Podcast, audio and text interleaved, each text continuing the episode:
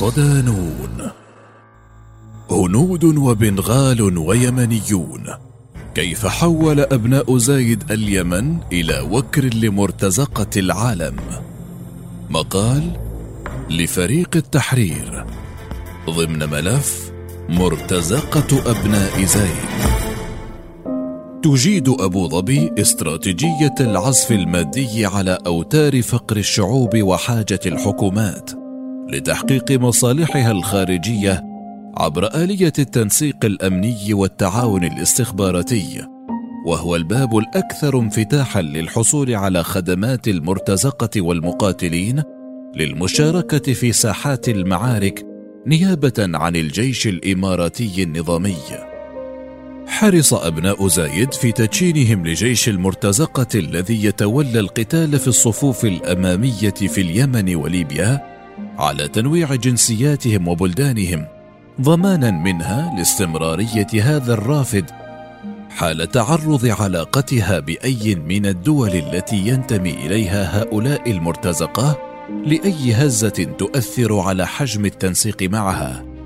في الحلقة السادسة من ملف مرتزقة أبناء زايد نستعرض قبلة جديدة قصدتها السلطات الإماراتية لتنويع جيشها المرتزق البديل. لكن الدفة هذه المرة بعيدة تماما عن القارة الإفريقية التي استحوذت على النصيب الأكبر من عناصر هذا الجيش حيث طرقت أبواب القارة الآسيوية عبر بوابتي الهند وبنغلاديش. اللافت للنظر أن المرتزقة الذين جلبتهم أبو ظبي من هاتين الدولتين كانت لهم خصوصية مميزة فقد دفعت بهم لحماية مشروعها التوسعي للسيطرة على موانئ اليمن على الشريط الساحلي الغربي لها.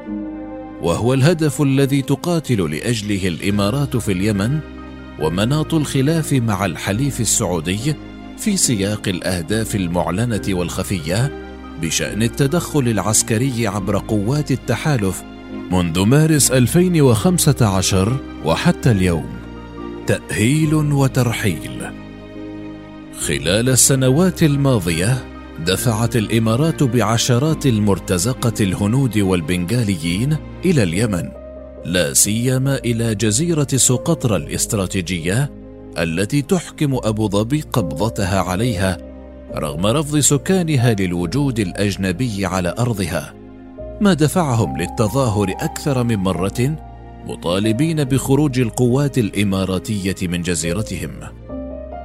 وتشير التقارير إلى أن المرتزقة من البلدين الآسيويين وصلوا إلى مقر القاعدة العسكرية الإماراتية بالجزيرة على متن طائرة عسكرية إماراتية خاصة حطت في مطار سقطرى فيما أشار آخرون إلى أن هذه العملية تكررت أكثر من مرة خلال السنوات الماضية.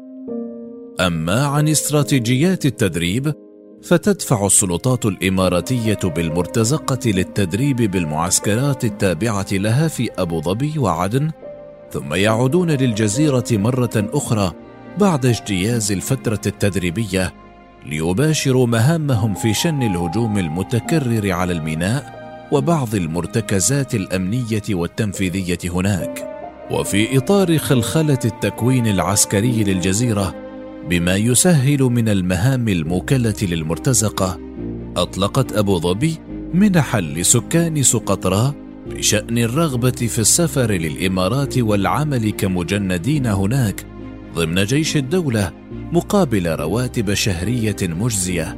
والتعهد بإمكانية تجنيدهم في السلك العسكري لمن يثبت جديته وكفاءته. وبالفعل أغرت تلك الوعود المئات من السقطريين ممن سافروا إلى أبو ظبي للعمل كمرتزقة لصالح أبناء زايد. وبعد تلقيهم دورات تدريبية مكثفة يعاد بهم لتنفيذ أجندة الدولة الخارجية في اليمن أو ليبيا بجانب دول أخرى في إفريقيا وخارجها. في سبتمبر 2019 نشرت صحيفة سقطرا بوست المحلية وصول دفعات متتالية من الجنود الهنود والبنغاليين الأمر الذي أثار قلق سكان الجزيرة الذين يصفون الوجود الإماراتي بالاحتلال لافتة إلى أن عملية جلب المرتزقة الآسيويين لليمن بدأت نهاية 2015 ومستمرة حتى اليوم. ليسوا جنودا فقط. لم تكتفي أبو ظبي في تدشين جيشها من المرتزقة بالاستعانة بالجنود وفقط بل تجاوزت ذلك إلى استقدام ضباط وخبراء من الدرجات العليا نظير مبالغ باهظة بهدف وضع الخطط والاستراتيجيات وتدريب الجنود على مهام القتال المختلفة. وبات الجيش الوطني الإماراتي اليوم متعدد الجنسيات والجذور فكثير من الرتب العسكرية بداخله أجانب بدءا من القوات البرية مرورا بالقوات الخاصة وحتى القوات الجوية والصاعقة. وهو ما كشفته صحيفة التايمز البريطانية في تحقيق لها نشرته في ديسمبر 2015 الصحيفة نشرت ضمن تحقيقها خبر مقتل أحد ضباط الأستراليين ويدعى فيليب ستيتمان في اليمن الذي كان مسؤولا عن تدريب المرتزقة الهنود والبنغاليين والسودانيين والكولومبيين. حيث لقي مصرعه خلال اشتباك بينه وبين مجموعة من الحوثيين في محافظة تعز. التحقيق كشف العديد من الأسماء الأخرى من الضباط التي جندتهم أبو ظبي للعمل لديها كمرتزقة من عدة جنسيات أخرى. منهم أمريكيون وبريطانيون وأستراليون. لافتة أن معظم هؤلاء الضباط تقلدوا رتبا رفيعة وارتدوا الزي العسكري الإماراتي وباتوا على قائمة الهرم العسكري لا يتلقون أوامرهم إلا من ولي عهد أبو ظبي محمد بن زايد الذي وصفته التايمز بأنه المحرك لجميع قوى المرتزقة داخل الإمارات وخارجها. لماذا سقطرى حشد المرتزقة لجزيرة سقطرى على وجه التحديد يرجع إلى ما تمثله من أهمية استراتيجية ولوجستية بالنسبة للإمارات.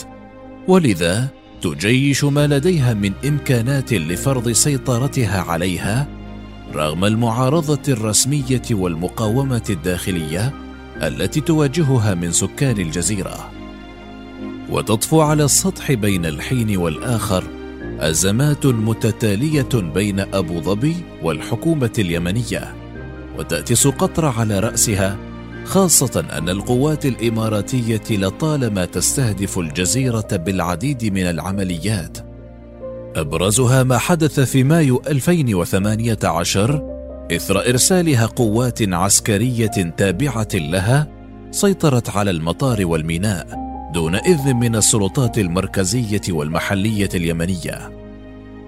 وعلى مدار السنوات الماضية افتعلت أبو ظبي العديد من الخلافات لأحكام قبضتها على الجزيرة عبر إشاعة الفوضى بداخلها منها ما حدث منتصف ديسمبر 19 و2000 حيث أعلن محافظ سقطرى تهريب القوات الإماراتية لعدد من الممنوعين من السفر على ذمة قضايا أمنية وذلك عبر طائرة إماراتية خاصة. كذلك ما حدث في الثلاثين من أكتوبر 2019 حين حاصر مسلحون ممولون إماراتيا مقر السلطة المحلية بالمحافظة بهدف إسقاط السلطة الحكومية هناك. كذلك نجحت الأيادي الإماراتية في التوغل داخل مفاصل الجيش اليمني محدثة بداخله العديد من الانشقاقات في مقدمتها إعلان الكتيبة الثالثة التابعة للواء أول مشاة بحري بسقطرى في السابع والعشرين من فبراير 2019 التمرد على الشرعية اليمنية ورفع الأعلام الانفصالية وهي الخطوة الأولى لخلخلة التماسك العسكري والأمني بالجزيرة الذي مهد الطريق للعبث الإماراتي بأريحية كاملة. علاقات متشابكة. يأتي استخدام الإمارات لمرتزقة من الهند وبنغلاديش في إطار مساعي الدولة تعميق علاقاتها الآسيوية. وذلك رغم علامات الاستفهام على العديد من مقاصد تلك العلاقات لا سيما فيما يتعلق بنيودلهي التي تمارس العديد من الانتهاكات بحق المسلمين هناك. وتشهد العلاقات بين محمد بن زايد ورئيس الوزراء الهندي ناريندرا مودي حالة من التناغم الشديد ويمكن الاستدلال على هذه العلاقة من خلال اختصاص مودي للإمارات بالزيارة ثلاث مرات متتالية منذ خمسة عشر وألفين وحتى اليوم وهو ما لم يحدث مع معظم الدول الأخرى. وخلال السنوات الخمسة الماضية حافظت الهند على حضورها الاقتصادي داخل الإمارة الخليجية حيث تراوحت بين المرتبة الأولى والثانية على قائمة الشركاء التجاريين لأبو ظبي. هذا بخلاف التنسيق المتبادل في عدد من المجالات العسكرية والثقافية الأخرى. الوضع كذلك مع بنغلاديش التي بلغ حجم التبادل التجاري غير النفطي بينها وبين الإمارات مليارا فاصل اثنان دولار أمريكي عام 2016 وزاد بصورة كبيرة خلال السنوات الماضية هذا بخلاف جهود البلدين لتعزيز سبل التعاون الثقافي والسياسي وتحفيز الاستثمارات المتبادلة وتعزيز التعاون الثنائي وزيادة الرحلات المباشرة بين البلدين. وهكذا نجحت الإمارات في ترسيخ نظام جديد يعتمد على معادلة الدعم العسكري مقابل التمويل المادي مستغلة في ذلك كما أشرنا سابقا حاجة الحكومات والدول للاستثمارات الأجنبية من جانب والوضع المعيشي المتردي لمقاتل تلك الدول من جانب آخر حتى تحولت أرض اليمن السعيد إلى ساحة لتجميع المرتزقة من مختلف دول العالم.